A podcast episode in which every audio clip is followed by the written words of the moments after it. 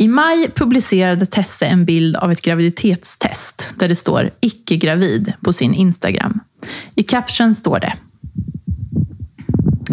Hvordan starter man et sånt innlegg? Jeg syns dette er veldig vondt å dele, skikkelig tøft og utenfor komfortsonen. Men jeg deler fordi jeg vet at det er mange som går gjennom det samme, mange som føler seg alene og ser bare positive graviditetstester og gravidmager. Det er ikke realiteten for alle, selv om det kanskje ser sånn ut.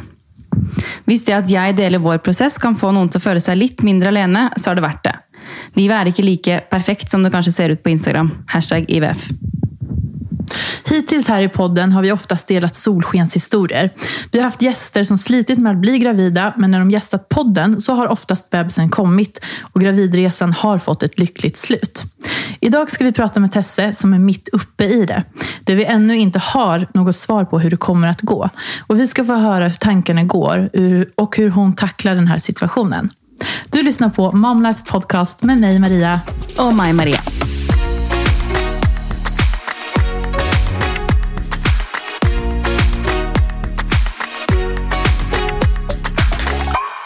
Velkommen hit! Tusen takk. Veldig gøy å være her. Men du heter ikke Tesse? Nei, egentlig så heter jeg jo Linn Therese. Ja, men Kan vi si Tesse, eller hva, hva foretrekker du egentlig? Jeg foretrekker kanskje Tesse, siden det er det jeg på en måte har blitt kalt helt siden jeg var liten. Så de fleste kaller meg Tesse, men sånn i jobbsammenheng så sier de Linn Therese. Jeg vet ikke, det blir litt sånn Men da er vi på Tesse, er vi ikke det? Ja. Vi kjører på testet på en gang. Du, så kul å ha deg her i dag. ja, veldig gøy å være her òg. Jeg gleder meg veldig. Ja, men och innan vi drar igång själva samtalet här så måste vi för det första grattis till bröllopet. Tusen takk. Du gifte dig i augusti. Ja, 21. august. Endelig. Hur var det? Det var, det var som en drøm. Altså, jeg hadde jo forestilt meg og virkelig planlagt lenge, siden vi skulle jo gifte oss under korona. Eh, og når det endelig ble, så ble det egentlig mye bedre enn jeg noen gang kunne forestille meg. da. Alltså jag har ju kollat på din Insta och det var verkligen, alltså det såg så fint ut. Som ett drömbröllop, verkligen. Ja, det var jo Ja, det var som en drøm, faktisk. Et eventyr. Og alt bare gikk som det skulle, og været var med oss. Og det ble, ja, så det ble en veldig, veldig fin dag. Och jag är inte förvånad för att du driver ju faktiskt Norges största bröllopspodd. Det stemmer. Så du har erfarenheten. Ja, så Det ble jo egentlig litt sånn her òg at eh, når man driver den podkasten, så fikk man jo litt sånn press på seg til å faktisk få et fint bryllup på det. Eh, og så jeg jo hjelp av bryllupsplanleggeren min, Amanda, som også jeg også drive podkasten sammen med. Eh, så da følte jeg at jeg var i veldig trygge hender, for det hadde ikke blitt sånn om jeg skulle planlagt selv. Men du og Amanda, som du har podden med, dere traff hverandre fordi hun skal være din bryllupsplanlegger, eller? Ja, Ja. det var sånn vi traff hverandre. Og når bryllupet ble utsatt, så tenkte vi sånn, har vi jo mer tid til å gjøre noe gøy. Eh, og da startet vi egentlig en YouTube-kanal og en Instagram, og så ble det senere til en podkast. Mm, stemmer det. ah, men da, da har i hvert fall jeg noen jeg kan spørre når den tid kommer. det er veldig bra. Ah. Men du, eh, du delte jo dette innlegget på Instagram i mai. Eh, og da skrev jeg til deg at eh, utrolig tøft av deg å dele eh, noe så personlig. Eh, og vi har jo på en måte lett etter noen vi kan komme i kontakt med eh, for å prate om dette temaet, som det ikke snakkes så mye om. Eh, og da var jo du veldig åpen med en gang for å komme og prate om det. Og det er vi veldig glad for. Ehm, fordi Du nevnte jo litt i stad også at eh, veldig mange snakker om liksom reisen, eh, og så forteller de ingenting før etterpå. Men nå er jo du her midt oppi det. Eh, hvordan er det for deg å snakke om det, nå som du er så aktuell på en måte med den eh, situasjonen du er i? Mm. Um, jeg syns det er på en måte for viktig til å ikke prate om det. Eh, Så jeg prater ikke om det for min egen del og for at jeg skal få det bedre. Uh, Men jeg prater om det for at jeg vet at det er så mange som går gjennom det, og som ikke prater med noen, og som føler seg veldig sånn alene. Uh, Så sånn sett så føler jeg at det er en viktig sak, og derfor blir det også lettere å prate om det. Men hva slags, eh, hva slags tilbakemeldinger og reaksjoner fikk du da du postet på Instagram? Eh, Veldig mye mer enn jeg hadde sett for meg. Eh, Jeg trodde kanskje at folk skulle bli litt sånn redd for å si noe, eller ikke visste helt hva de skulle si. Men jeg fikk utrolig mange gode tilbakemeldinger. Og også veldig mange som åpnet seg opp om sin historie. Og det var der jeg også så hvor mange som faktisk går gjennom det uten å ha noen å prate med. fordi mange av tilbakemeldingene var jo også at eh, jeg går gjennom det samme, og at det kanskje var enklere å si det til meg da, siden jeg hadde åpnet meg sånn om det. Eh, men jeg har ikke sagt det til noen andre. Hvorfor tror du at det er svårt for mange å prate om? Jeg tror det blir jo veldig sånn personlig, og så føler jeg også at det er en sånn ting som man ser at de fleste får, får til da, ved sånt Oi, det skjedde veldig fort, eller eh, Jeg ble gravid på første forsøk, eller at alle bare blir gravide, og at kroppen på en måte greier å få det til. Da. Eh, og så føler man kanskje selv at man ikke får det til, og så blir det et nederlag, og så blir det litt sånn tabulagt uten at det egentlig skal være det. da. For hvor lenge har dere forsøkt nå? Det er veldig vanskelig å svare på sånn akkurat når man begynte. fordi sånn i starten så er det sånn skjer det, så skjer det. Man er litt sånn tenker jo at det skal gå fort, på en måte. Men vi har vært gjennom tre IVF-forsøk, så prosessen med å søke til IVF det er en veldig lang sånn prosess for å bare komme inn. Det startet vi med for ca. ett og et halvt år siden nå, da. Og gjør det her i Norge, eller? Ja, vi gjør det i Norge. Ja. Um, hvordan hvordan syns du det er når du på en måte eh, At mensen kommer, da? Måned etter måned. Hvordan er det for deg? Um, det er jo veldig altså I utgangspunktet så er jo mensen noe dritt å få, altså for alle. Uh, det er jo kjipe dager å gå rundt med tamponger og bind og all den der dritten og vondt i magen og sånn. Uh, men for meg nå da, så føler jeg liksom sånn Det føles nesten ut som noe liksom dør inni deg, nesten. At man blir sånn man bare er sånn, man håper, man håper, man håper at det liksom skal gå. da. Og så bare uh, setter man seg på toalettet eller et eller annet, og så ser man at liksom mensen kommer. Da blir man bare sånn sykt oppgitt, veldig lei seg, og bare kjenner liksom sånn en måned til med prøving som ikke har gått, på en måte. da. Alltså, du sitter her i soffan med oss og du ler nästan. Alltså, du, ser, du ser så fräsch ut og du ler når du sitter ändå och pratar om de här, den här tuffa processen som du er i og du berättar hur du blir lei men när mensen kommer månad efter månad. Alltså, vad gör du for å holde humøret oppe? Eh, jeg tenker at Hvis man hadde spurt samboeren min, så hadde han kanskje sagt at jeg absolutt ikke holder humøret oppe. Da. Eh, så det er jo Det som hjelper meg veldig, er jo egentlig å jobbe. Det er liksom det jeg gjør, føler jeg. Jeg sover, jeg jobber, og det er på en måte de tingene.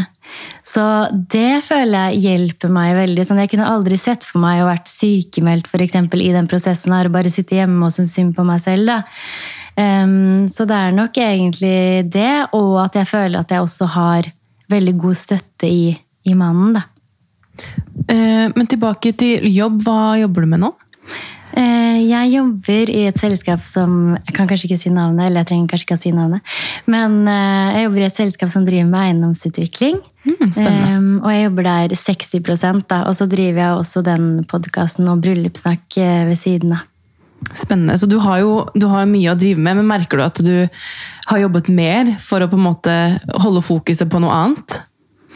Eh, ja, kanskje til tider eh, jobbet litt mer, men samtidig også hatt dager hvor det nesten er umulig å jobbe. Da. At man kanskje prøver, men det, er, det blir så mye følelser, og man føler seg liksom veldig sånn nedbrutt. Så det blir sånn vanskelig også, i hvert fall hvis man driver en podkast og Instagram, og de tingene der, så blir det veldig vanskelig å gi av seg selv. da.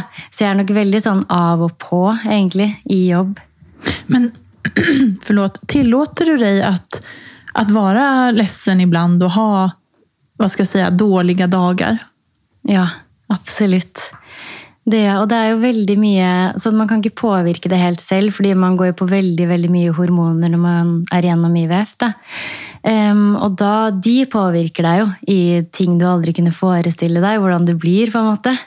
Um, så da er det jo sånn umulig å tenke at man nei, bare skyver det unna, fordi du har ikke sjans til det med de hormonene. Da. Sånn som man kanskje kunne gjort hvis man våknet og hadde en litt dårlig dag. Så kan man på en måte gjøre den bedre, men når det er hormoner som påvirker deg, så blir ikke det like enkelt. Nei, det er mer fysisk. Du kan ikke, du kan ikke tenke bort de reaksjonene, på en måte. Nei. Når var det ni upptäckte at det var svårt for dere å bli gravida? Det var egentlig eh, Jeg var og tok en sånn celleprøve. Som jeg må oppfordre alle til å faktisk gjøre. Det er veldig veldig viktig. Så jeg var bare på en sånn vanlig kontroll. Eh, tok den celleprøven, og så snakket jeg med hun eh, gynekologen. Og så sa jeg sånn Jeg har en følelse på at det kanskje kan være litt vanskelig for meg å bli gravid, fordi jeg var litt sånn redd for det. Og da tenkte jeg liksom, jeg har hørt så mange som på en måte har sagt det, og så har det ikke blitt tatt helt seriøst. det. Og så var hun veldig sånn Å, hvorfor, hvorfor tenker du det? Og veldig åpen og veldig sånn støttende i det. Hun bare Men det kan vi finne ut av, liksom. Det som du bekymrer deg for. Eh, og så sjekket hun liksom eggstokkene, sjekket på en måte alt sånn. Hun bare Alt ser veldig bra ut, sånn som jeg kan se her. Eh, men jeg setter deg til å ta noen hormonprøver også, så du kan sjekke det. Eh, og så sa jeg også at jeg hadde veldig sånn sterke mensensmerter. Sånn, noen ganger kunne jeg ha det så vondt at jeg liksom kastet opp av smerte. Em, og da sa hun også at jeg tror kanskje du kan ha endometriose, så vi kan få se om du kan få en operasjon for det. For det er sånn man ikke kan sjekke uten å opereres. da. Um, og så uh, var alle hormonprøvene fine, det var ikke noe galt med de, men så fikk jeg en sånn operasjon til endometriose. Uh, så gjorde jeg den, og da fant de litt endometriose, men de sa sånn det er ikke nok til å være en grunn for at du ikke kan bli gravid. da. Så da startet det jo egentlig samtidig med den operasjonen at vi også fikk time til eh, IVF, fordi de hadde jo sett at det ikke gikk så lett av seg selv. Da. Ehm, og så, etter det, så har de jo egentlig aldri funnet ut hva det er som gjør at, kan, at vi ikke kan få barn. Da. Men når du sier at vi ikke kan få barn, er det noe dere er blitt fortalt? Nei, ikke nei, nei. Nei. Altså, vi kan. De sier jo liksom at eh, altså, det er ikke noe galt. Det er ingen grunn for at det ikke skal gå. Eh, men samtidig så går det jo ikke. Det er mer känslan som du sitter med just nu kanskje, at, inte, det ikke funkar. Mm. Men, men tilbake til det du sa, då när du gikk til gynekologen og du sa at jeg tror at jeg kanskje har svårt å få barn. Hva var det då? Hva, hva du det på då? Eh, Det var vel egentlig at jeg hadde vært veldig dårlig med prevensjon. Veldig, veldig lang tid, egentlig. Og så hadde jeg jo fortsatt ikke blitt gravid. Eh, og samtidig så var det også de sterke mensensmertene. At jeg bare følte at det var noe galt. Bare et eller annet som ikke stemte. da. Eh, så det var vel egentlig de tingene som gjorde at jeg sa det til henne når jeg var der. Fordi altså, man kjenner jo kroppen sin godt. Altså, og man, som regel da, så vet man jo eh, hvis noe er riktig eller galt. Men hvordan, hvordan har du det nå i hverdagen, og hvordan, hvordan føler du deg på en måte i kroppen? Kjenner du deg at ting er galt nå, eller føler du at det er bra? Eller hvordan er det på en måte?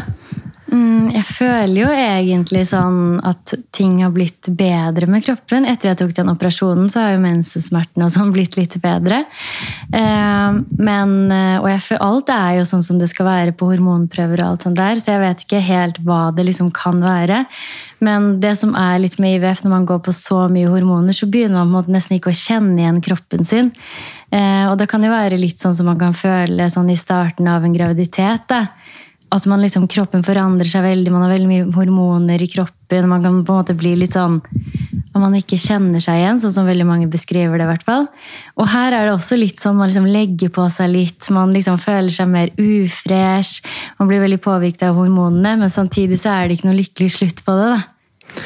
Men, eh, men går du nå da og altså, har, Føler du deg liksom annerledes nå pga. hormonene sånn hele tiden, eller er, svinger det og går litt? på en måte? Mm, man blir liksom litt vant til det, men sånn som jeg ehm, Jeg føler at jeg er annerledes i at jeg blir på en måte en helt annen person enn jeg pleier å være. egentlig.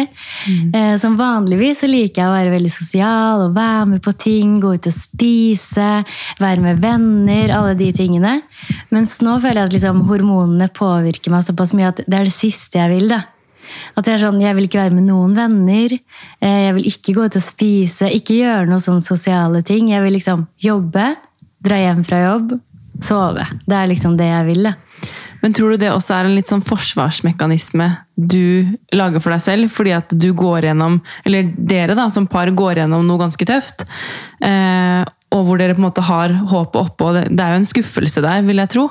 Hvor man da, Er det sånn at du på en måte føler at du ikke har lyst til å være sosial fordi du ønsker ikke å liksom, få spørsmål eller måtte prate om de tingene? At du liksom skyver det litt unna? Ja, det er nok mye det òg. At man bare føler sånn Man orker ikke at noen skal si noe som kanskje er litt teit, som du liksom tar til deg, eller at noen skal si sånn 'Nå, vi, nå er vi blitt gravide', eller at man skal få den der rett i trynet. da. Så det er liksom bedre å bare være sånn i sin trygge hule hjemme og bare ehm, ja, ta vare på seg selv på den måten. da. Men jeg føler også at det er jo veldig dumt, for man har jo veldig mange venner som liksom sjekker inn og hører hvordan det går, og man skal finne på ting og sånn. Men så liksom greier jeg ikke helt å liksom ta de innpå meg. da. Jeg vil liksom holde det litt på avstand, fordi det er så tøft, og man føler seg ikke helt som seg selv. da. Det blir så mye å ta inn at du ikke riktig orker. Mm. Men hur skulle du beskrive at det er att hur skulle du beskriva att det är att befinna sig i den här IVF-processen där du är just nu? Mm, det er veldig sånn, for min del i hvert fall, veldig altoppslukende. Altså, det er det eneste jeg liksom greier å fokusere på, bortsett fra jobb og de tingene. Um, så det er eh, veldig mye hormoner, mye ut og inn av sykehuset. eh, veldig mye Du venter på en måte hele tiden på å få den der beskjeden om at 'nå gikk det ikke', eller eh, 'fikk ikke ut noen egg', eller altså de tingene som hele tiden er. da, fordi prosessen, hvis jeg bare kan dra litt kjapt om den ehm, det finnes jo litt forskjellige prosesser, men for meg er det sånn at jeg begynner på en sånn nesespray med hormoner som jeg tar i en ganske lang tid før jeg begynner på sprøyter. Eh, Og så begynner jeg på sprøyter, og det var jo også en veldig sånn rar greie, fordi jeg har jo vært livredd for å sette sprøyter på meg selv. Det har jo vært noe som jeg aldri har tenkt at jeg skulle gjøre. Og så sitter man der ved kjøkkenbordet og setter sprøyter i magen liksom hver kveld. Um, og så blir det jo veldig sånn at de hormonene påvirker deg. og sånn, Den nesesprayen er jo sånn at du blir sånn i fake overgangsalder. Så man liksom får jo hetetokter, man blir jo litt sånn trøtt. Ehm, noen kan jo bli veldig sånn humørsvingninger. Jeg føler at jeg kanskje blir mer sånn Jeg svinger ikke så mye, men jeg blir kanskje litt mer sånn lav på energi. da. Eh, og så er det jo De sprøytene skal jo gjøre sånn at eggene liksom vokser seg store. Så det gjør jo også veldig vondt liksom i magen på en måte når de begynner å vokse. Og sånn. Og så mellom der så må man liksom inn og ut av sykehuset og sjekke og ta blodprøver og sjekke at liksom eggene vokser som de skal. Og sånn. Eh, og så er det jo der hele veien, så da vet man jo liksom aldri hva som skjer. da. Mm, Og så kommer man inn for et sånt egguttak, hvor man tar ut eggene. Og da er det sånn at de stikker liksom hull på eggstokkene og suger ut det som er inni. Det er veldig sånn ekkelt beskrevet, men suger ut det som er inni for å få ut eggene. Og da er det jo også det med hvor mange var det man fikk ut den gangen. da. Det kan jo også stoppe der. Og det er jo ikke smertefritt inngrep, det heller. Nei, det er ikke det. Jeg føler at jeg kanskje har vært veldig heldig. Jeg syns ikke det gjør så vondt, men det er veldig, veldig, veldig ubehagelig. da. Og det er jo ekkelt når noen er liksom oppi, langt oppi der og fikler med noe. Så, og så etter det så blir det jo også veldig sånn hvor mange egg man fikk ut, og så får man beskjed neste dag hvor mange som ble befruktet, og så er det hvor mange som, Og man kan sette inn en etter så og så mange dager, da. Så er det å liksom gå og vente på det om det gikk eller ikke. Så det har vært en ganske lang prosess til man liksom endelig får svaret på om det går, da. Och det här har du gjort tre gånger Mm. och fått nej varje gång. Alltså negativt besked att det har inte funkat. Ja. Alltså jag har så sjukt stor respekt för dig Tessa, jag måste bara säga det. Ja, det Det här som du är mitt uppe i, alltså det här som du går igenom. Mm. Det är tufft. Ja, det er veldig tøft. Absolutt. Og jeg tenker jo også sånn at det er veldig viktig å prate om det. For jeg kan jo se for meg liksom at det er veldig mange som sitter alene hjemme da, og føler liksom på det at de vil eller ikke vil være i den prosessen og ser at alle andre blir gravide. Og så tenker du at det er bare meg som sitter med det her. da. Hvordan kjennes det for deg når du ser folk rundt omkring deg bli gravida? Mm, Jeg blir glad på deres vegne, men veldig lei meg på mine egne. Så det er veldig sånn vanskelig Hvis en person for hadde sagt Den beste måten en person som jeg kjenner kan si til meg at de har blitt gravide, da, er jo, det tror jeg gjelder for veldig mange, er jo å sende melding. Fordi da kan jeg liksom først kanskje bli litt lei meg på mine vegne, og så kan jeg etterpå bli glad på den personen sine vegne. da. At du får litt tid å prosesse mm. beskedet.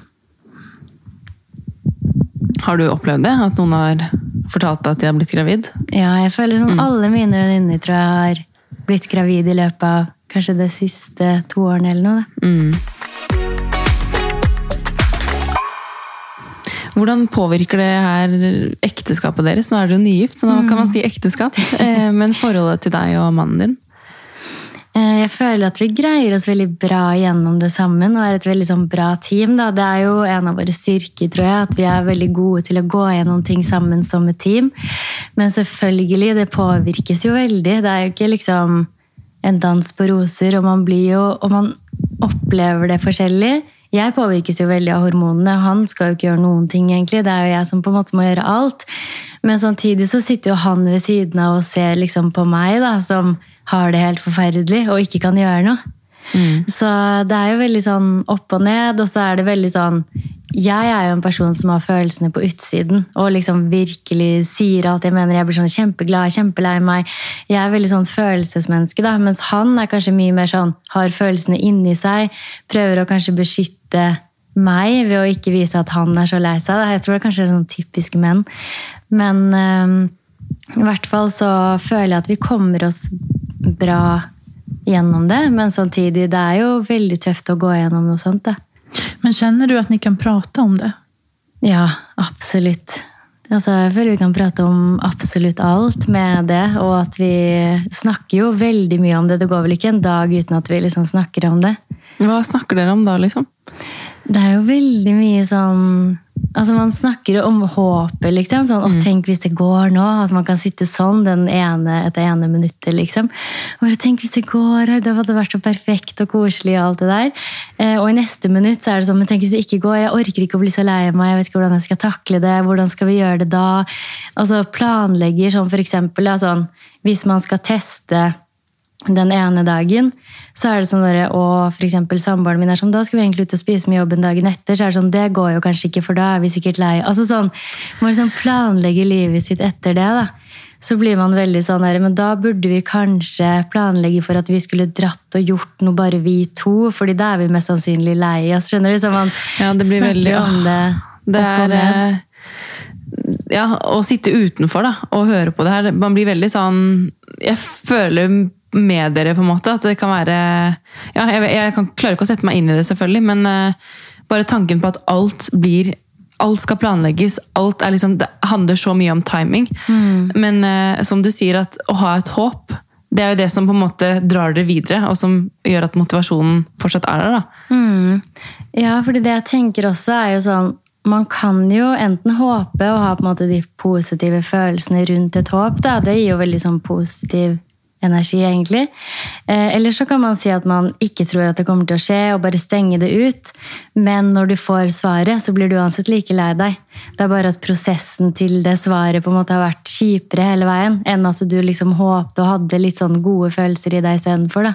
Det føles nok kanskje er bedre for deg, da, eller for dere som er i det. Mm, jeg syns det, i hvert fall. At man, fordi hvis man sier at man ikke håper og ikke tror at det går, så håper man jo innerst inne uansett. Bare at man prøver å skyve det vekk. da.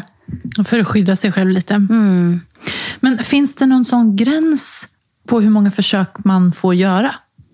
Mm, sånn I det offentlige så får man gjøre tre forsøk. Eh, og vi hadde jo Det ene ble jo avbrutt, så da telles det ikke, da.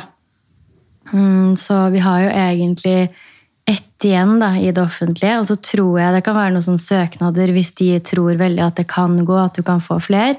Men etter det så må du betale selv, da. Mm. Fins det noen sånn grense Hvor mange forsøk kroppen klarer?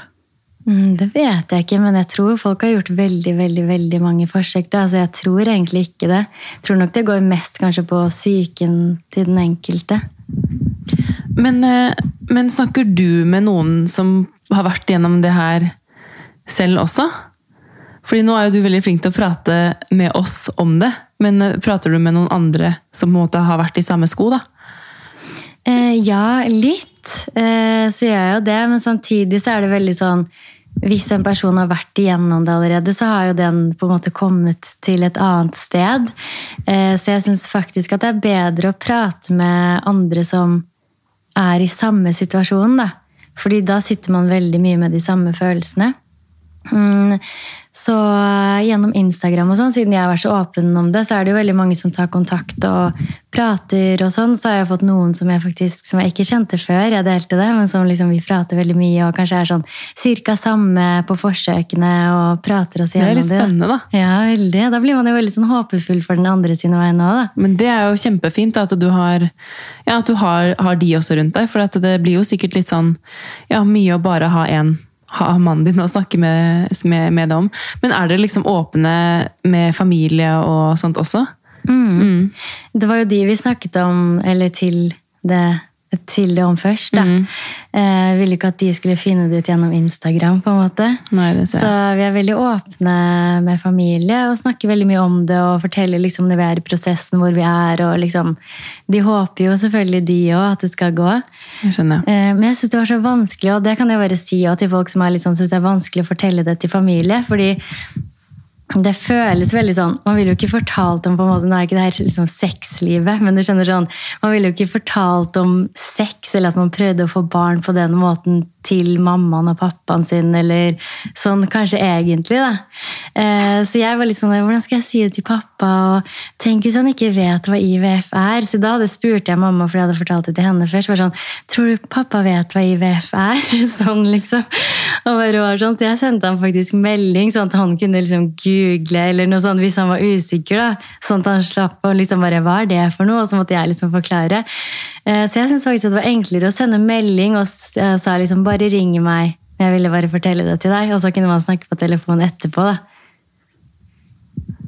Om man er anhørig eller nære person som, til noen som kjemper, som du gjør just nå, fins det noe som man kan si for å trøste trösta på et sett? Eller fins det noen bra saker å säga?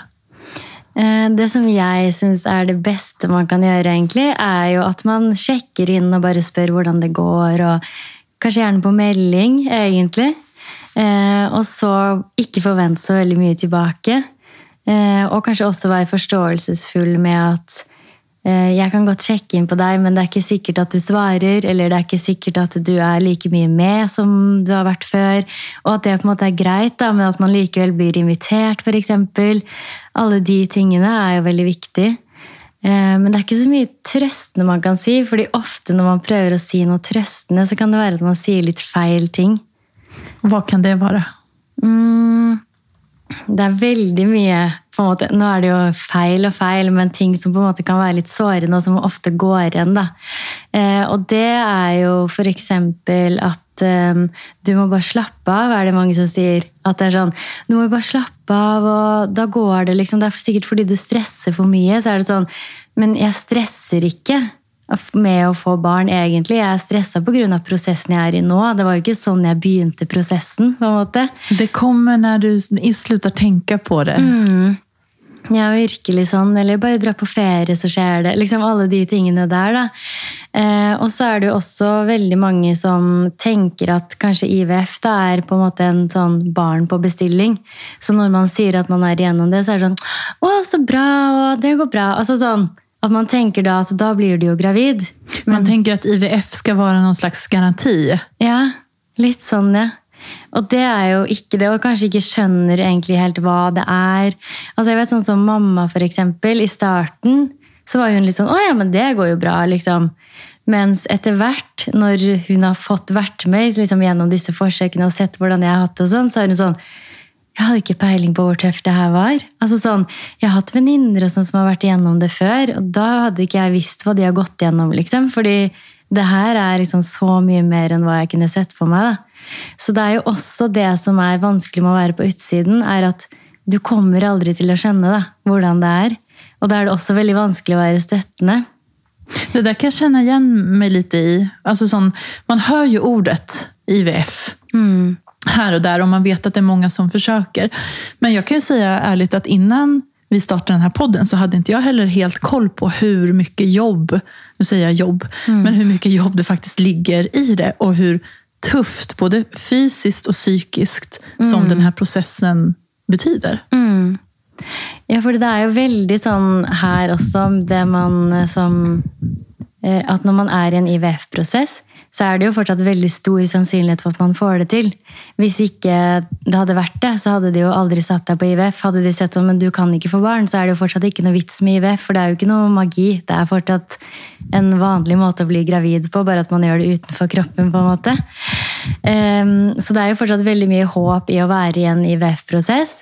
Eh, og da er det liksom også veldig vanskelig å bli spurt om f.eks. sånn adopsjon, eller har dere tenkt andre løsninger og sånn. Eh, fordi det blir sånn man er ikke der. For det vil si at hvis jeg hadde sagt at nå har vi vært gjennom de IVF-forsøkene og vi har gitt opp, så tenker man i andre løsninger. Mens mens man sitter i det, så gjør man jo egentlig ikke det. Men det er veldig lett å på en måte si det, fordi det er sånn I hvert fall hvis man ikke vet, da. Hva, Ja. Sånn som både Maria og jeg, som du sa egentlig, Maria, har jo Nå har vi jo hatt noen gjester, og vi har pratet eh, litt om det, og jeg heller visste liksom ikke helt ja, Man hører begrepet, liksom, men så vet man jo ikke. Som du sier, det er så mye fysisk og psykisk for kroppen, og i tillegg så får du masse hormoner som du ikke klarer å styre. Eh, og du har liksom egentlig mer enn nok med deg selv, og så skal du i tillegg da takle at folk skal bry seg og mene ting og si at du bare må slappe av og dra på ferie, liksom. Ja, det er veldig sånn. Jeg tenker også sånn i sommer, når, siden vi skulle gifte oss og sånn, så tok vi jo en pause fra alt med det. Og det var sånn Det tok ganske lang tid fra jeg sluttet på alle hormoner og alt sånn, til jeg faktisk følte meg som meg selv igjen. Og på slutten, liksom, før vi begynte på nytt forsøk, så følte jeg sånn Nå kjenner jeg meg som meg selv igjen, og da var jeg sånn Jeg vet ikke om jeg vil gjøre det igjen. Fordi kjente, Da kjente jeg liksom hvor tydelig jeg faktisk var påvirket av hormonene òg. Ja, for hur er det når du starter opp da? Når en prosess er klar, du fikk negativt besked og så går det några månader och så är det dags att börja på nästa runda. Hur känner du då inför den nya starten? Altså, det har forandret seg veldig gjennom forsøkene. Man kan tenke seg liksom, Det første forsøket vi var igjennom, hadde så mye troen. Jeg var helt sikker på at det skulle gå på første forsøk, og de hadde ikke funnet noe feil med oss. Det var liksom, det her kommer til å sitte, liksom.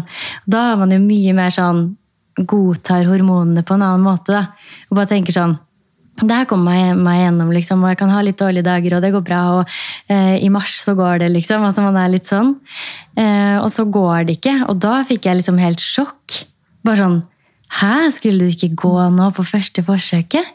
Og da ble jeg så lei meg, for da ble det jo faktisk avbrutt òg, fordi det ble gjort en feil. Men det var sånn, jeg hadde knyttet meg så mye, det høres så rart ut, men liksom til de eggene som ble tatt ut, på en måte. Og det ene egget som de sa liksom var befruktet og sånn, så ble det sånn derre Det her kommer til å gå, det er liksom den vi har ventet på, det er sånn der. Eh, Men når det ikke gikk da, så ble jeg jo helt knust. Um, Men fortsatt veldig sånn klar for å på en måte starte et nytt forsøk, da. Siden vi aldri fikk det innsettet som kan gjøre at man blir gravid. Uh, mens nå, på det siste, da var jeg sånn usikker på om jeg virkelig ville det, om jeg orket å gå gjennom det en gang til. Da. Så da måtte jeg motivere meg mye mer enn det jeg har gjort for de andre forsøkene, faktisk. Alltså det her er kanskje en litt konstig spørsmål, men har ni satt noe så Altså, hvor mange ganger ni skal, eller du skal gå igjennom det här? Mm, Nei, det har vi ikke. Så ja, det blir jo spennende å se. Og jeg tenker jo liksom også at man kanskje ikke har lyst til å gjøre det for mange ganger. Ehm, så nå tenker jeg liksom kanskje at man kan jo også sjekke andre ting om det, siden de ikke har funnet noe spesielt som kan være skylden for at det ikke går. Så tenker jeg også at det hadde vært fint å kanskje gjøre enda mer utredninger og sånn, før man faktisk um, fortsetter, da. Men uh, det er veldig vanskelig også, så man må stå litt sånn på kravet og finne liksom egne løsninger på ting. For det er ikke sånn at de i det offentlige kommer ikke til å gi deg liksom løsningen. De kommer til å gi deg et nytt forsøk og gjøre det som de gjorde igjen. Mens hvis du liksom vil utredes mer, og sånn, så må du liksom finne litt egne løsninger på det. da. For det var egentlig litt mitt spørsmål. sånn, eh, I og med at dere på en måte ikke har fått beskjed om at noe er nå tar jeg gåstein, men at noe er galt. på en måte. Hva, har du noen liksom følelse på selv hva som kan på en måte være grunnen? Eller er det liksom egentlig grunnen til at du ønsker å gå videre med å prøve å finne ut hva det kan være? da? Mm, ja, egentlig det, fordi jeg ikke vet. Mm. Eh, og at de føler at de har jo sjekket meg opp og ned. Og, altså, de har jo operert og alt mulig. Så det er liksom veldig Jeg føler at jeg liksom trenger mer svar enn det jeg har fått til nå, kanskje. det. Men hvordan eh, Du har jo sikkert masse spørsmål. Hva, hvordan gjør du liksom for å få svar på det? Det? Går du privat, eller er det fastlege? Hvem, hvem prater du med sånn utenom familie og venner? og Jeg har begynt å gå til en sånn hva heter det, akupunktør. Mm. heter det? Mm. Ja, Som var faktisk veldig flink. Nå skal ikke jeg liksom si at det her funker, eller noe sånt, for det vet jeg ikke. Så man må finne ut hva som funker for seg.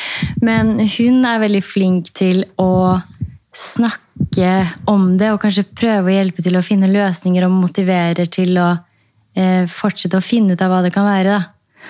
Eh, så ja, jeg tror jeg har en sånn positiv følelse på det, men jeg syns at hun er veldig flink. i hvert fall. Så bra. Vad är dina bästa tips till lyssnare som befinner sig i samma situation som du är nu? Eh, Jeg vil nok si at det må være å faktisk åpne seg. Altså, nå tenker ikke jeg på at man alle skal gå ut med det på sosiale medier, sånn som jeg gjorde det. Eh, Fordi jeg gjorde jo det for at ikke folk skulle føle seg alene når jeg liksom satt hjemme.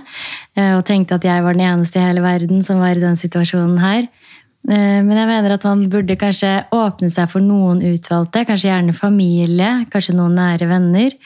Eh, Fordi da slipper man også å komme på unnskyldninger for hvorfor man ikke blir med. Ting blir mer akseptert. Da. Eh, Man kan si sånn 'jeg orker ikke i dag', eller hvis noen ringer, så kan man sende melding 'jeg orker ikke prate'. Og så er ikke det fordi man er sur eller ikke liker personen, det er fordi man ikke orker, rett og slett. Da. Så det å ha noen få å snakke med som du kan dele hvordan prosessen går med, det tror jeg er veldig, veldig viktig. Eh, Og også det med at man burde fortsette å ha det håpet, da, fordi man blir jo like skuffet uansett. Det er trist å høre deg si også, men, men eh, hvordan ser du på fremtiden nå? Du har jo et håp. Jeg har jo et håp, absolutt. Eh, og jeg føler at vi har veldig mye annet fint i livet vårt òg. Altså, vi har akkurat giftet oss, som var veldig hyggelig. Veldig fin dag. Eh, vi har akkurat kjøpt et nytt sted å bo med liksom full oppussing, selv om det også er veldig krevende oppi alt. Så jeg vet at det kommer til å bli et veldig sånn fint sted. da. Em, Dere har et prosjekt, på en måte. ja, så jeg ser absolutt positivt på fremtiden. Og jeg føler at liksom, med mannen min så føler jeg at vi har så mange felles interesser.